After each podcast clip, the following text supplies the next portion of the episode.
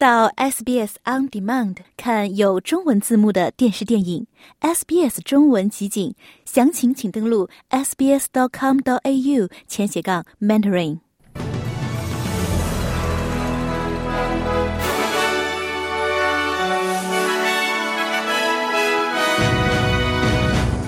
新州一小学受石棉污染物影响，被迫停课。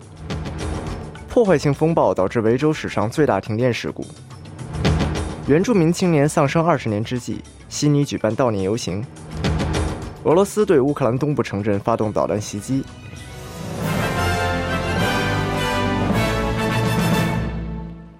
澳大利亚国防军在努力雇佣和留住人员的同时，兵力尚缺数千人。澳大利亚国防军总司令安格斯·坎贝尔在议会听证会上表示，截至一月一日，澳大利亚国防军短缺四千三百多人，几乎占总人数的百分之七。他说，招聘率低于维持部队所需的水平，但国防部正在将留守和招聘作为优先事项。娜塔莎·福克斯中将在接受独立参议员杰奎·兰比的质询时承认，目前完成招募工作所需的时间太长。福克斯说：“招募一个人所需的时间大约为三百天或更长，具体取决于。”兰比说：“好吧，难怪他们不加入。”塔斯马尼亚州反对党领导人丽贝卡·怀特表示，他将在该州即将举行的大选中为工党争取多数票，并且不会与小党派做交易。昨天，州长杰里米·洛克利夫宣布将于三月二十三日。提前举行大选，比原计划的选举提前了一年多。自五月份约翰·塔克和劳拉·亚历山大退出自由党，成成为独立议员以来，澳大利亚唯一的自由党政府一直处于少数派地位。州长和反对党领导人都已发表声明，与组建另一个少数派爱政府的可能性保持距离。洛克利夫称那是破坏稳定的行为。怀特表示。他的政党正在寻求塔斯马尼亚选民的多数票。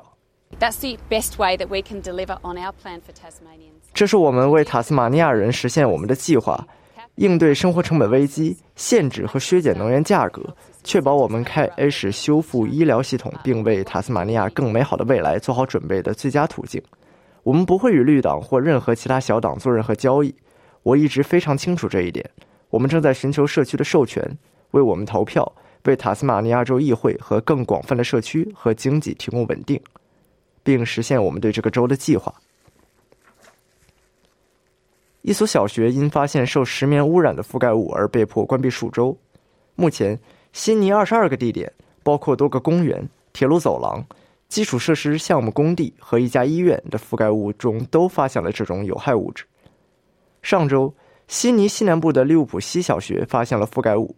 该小学有七百多名学生被迫进行远程学习，但教育部长普鲁卡表示，清除覆盖物的操作将比最初预期的时间更长，因为覆盖物比平常铺设的要更深。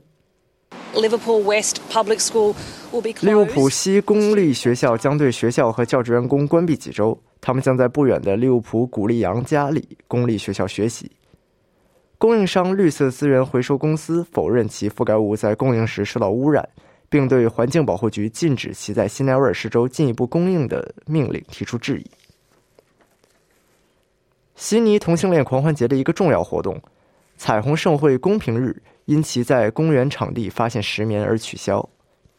预计将有七万多人在周日前往坎珀当的维多利亚公园参加该活动。虽然将继续探讨公平日活动的迁移问题。但它需要在四天内转移和搭建舞台，以及二百个食品零售和社区摊位。致命的破坏性风暴造成了维多利亚州历史上最大的停电事故。目前，该州仍有约十三点五万处停电。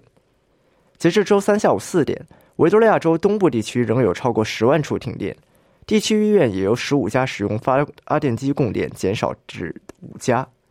当局正在紧急优先恢复这些地点的燃料和电力，但他们可能至少要断电三天。在三十九个维州救护服务的分支机构断电后，Triple Zero 紧急热线出现了广泛的问题，尤其是在吉普斯兰。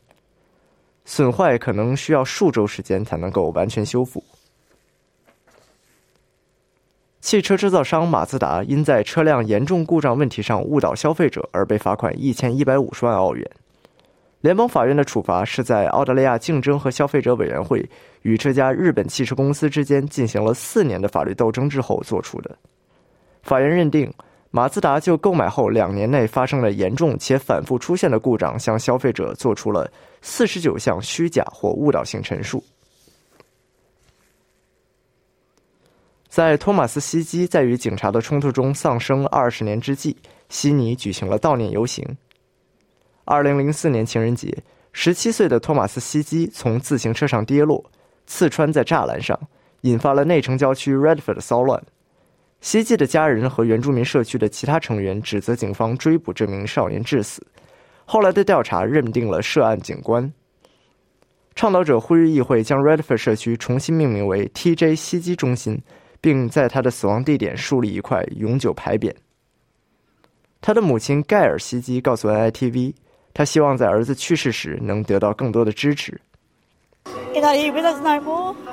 他已经不在这里了。我会一直战斗到我得到公正为止。每个人都要为被警察杀害的人伸张正义，站起来，继续为他们伸张正义。格温达·斯坦利是戈梅罗伊原住民女性，代表原住民帐篷大使馆。她呼吁进行更严格的审查，并告诉人群。在医院和监狱中都会发生拘留期间死亡的事件。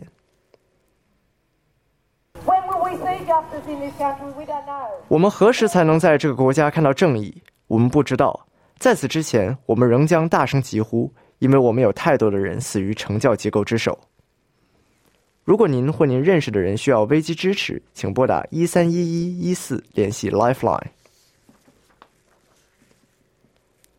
澳大利亚国库部表示，澳大利亚有机会继续扩大从疫情后恢复所带来的就业市场。国库部秘书史蒂文·肯尼迪周三向议会委员会介绍了经济立法。他说：“如果政策选择正确，仍有一个难得的机会来维持经济接近充分就业，这比几十年来的情况更为接近充分就业。”肯尼迪说：“这样的结果将改变许多处于不利地位的澳大利亚人的生活。”您正在收听的是 SBS 中文普通话节目。在英国举行最后一次引渡听证会之前，澳洲联邦议员呼吁美英两国放弃对朱利安·阿桑奇的起诉。昨天，众议院以八十六票对四十二票通过了一项动议，敦促美国和英国政府允许阿桑奇返回澳大利亚，为阻止他因间谍罪被引渡到美国做最后的努力。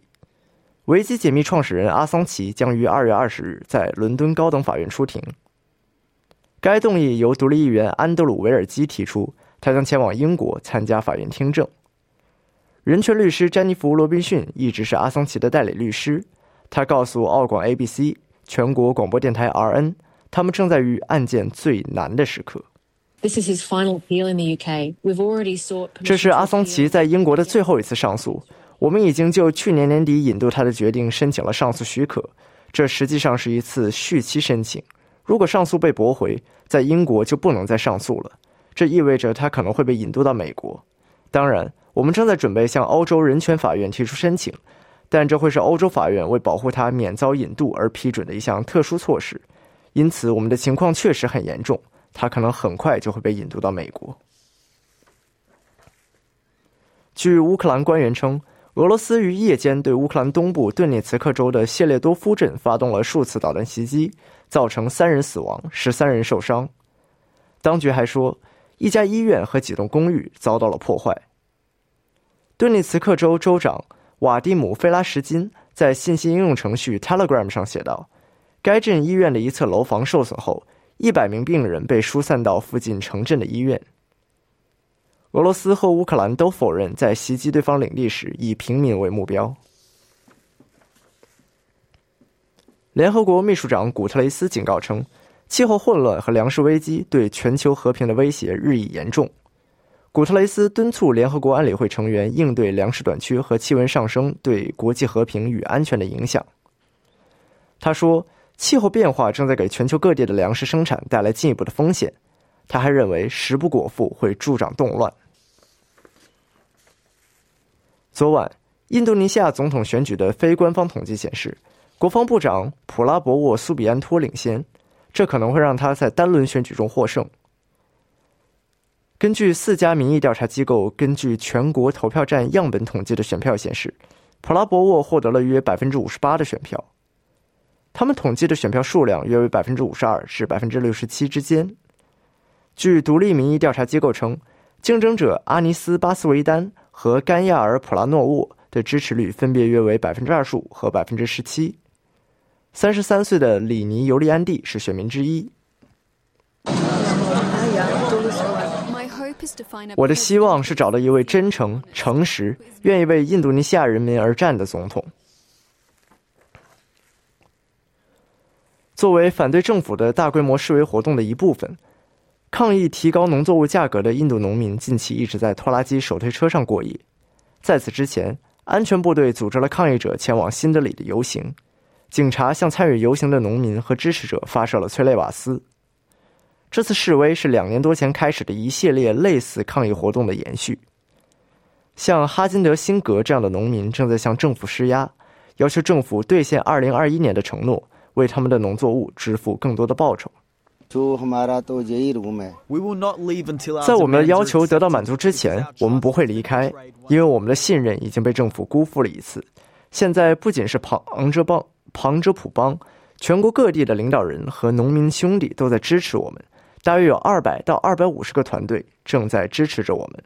等着瞧吧，这次抗议活动的规模会比之前大得多。此次抗议活动距离印度总理莫迪将寻求第三次连任的全国大选只有几个月的时间。下面来看体育方面，拉特里尔·米切尔明晚将首次担任 NRL 原住民明星队队长。他说：“这对他来说意味着一切。”米切尔的南悉尼队友科迪沃克原定于在与毛利明星队的比赛中担任队长，但因伤被迫退出了比赛，这为他的同事打开了机会之门。米切尔拥有比里皮、维拉朱里、沃里莫和贡巴英吉尔的血统，将参加自2017年以来的第六场全明星赛。他说：“能够担任队长是一种荣幸。”接下来，我们首先关注一下澳大利亚元的汇率。在国际货币市场上，一澳元可以兑换0.649美元、1.066新西兰元，同时一澳元可以兑换4.669元人民币。五点零七五港币，二十点三九七新台币。再来了解一下全国各主要城市今天的天气情况。悉尼有阵雨，最高温度二十五度；墨尔本晴，最高温度二十二度；布里斯班有阵雨，最高温度三十一度；堪培拉有阵雨，最高温度二十三度；阿德莱德晴，最高温度二十八度；珀斯多云转晴。最高温度四十三度，达尔文有阵雨，最高温度三十一度；霍巴特局部多云，最高温度二十四度。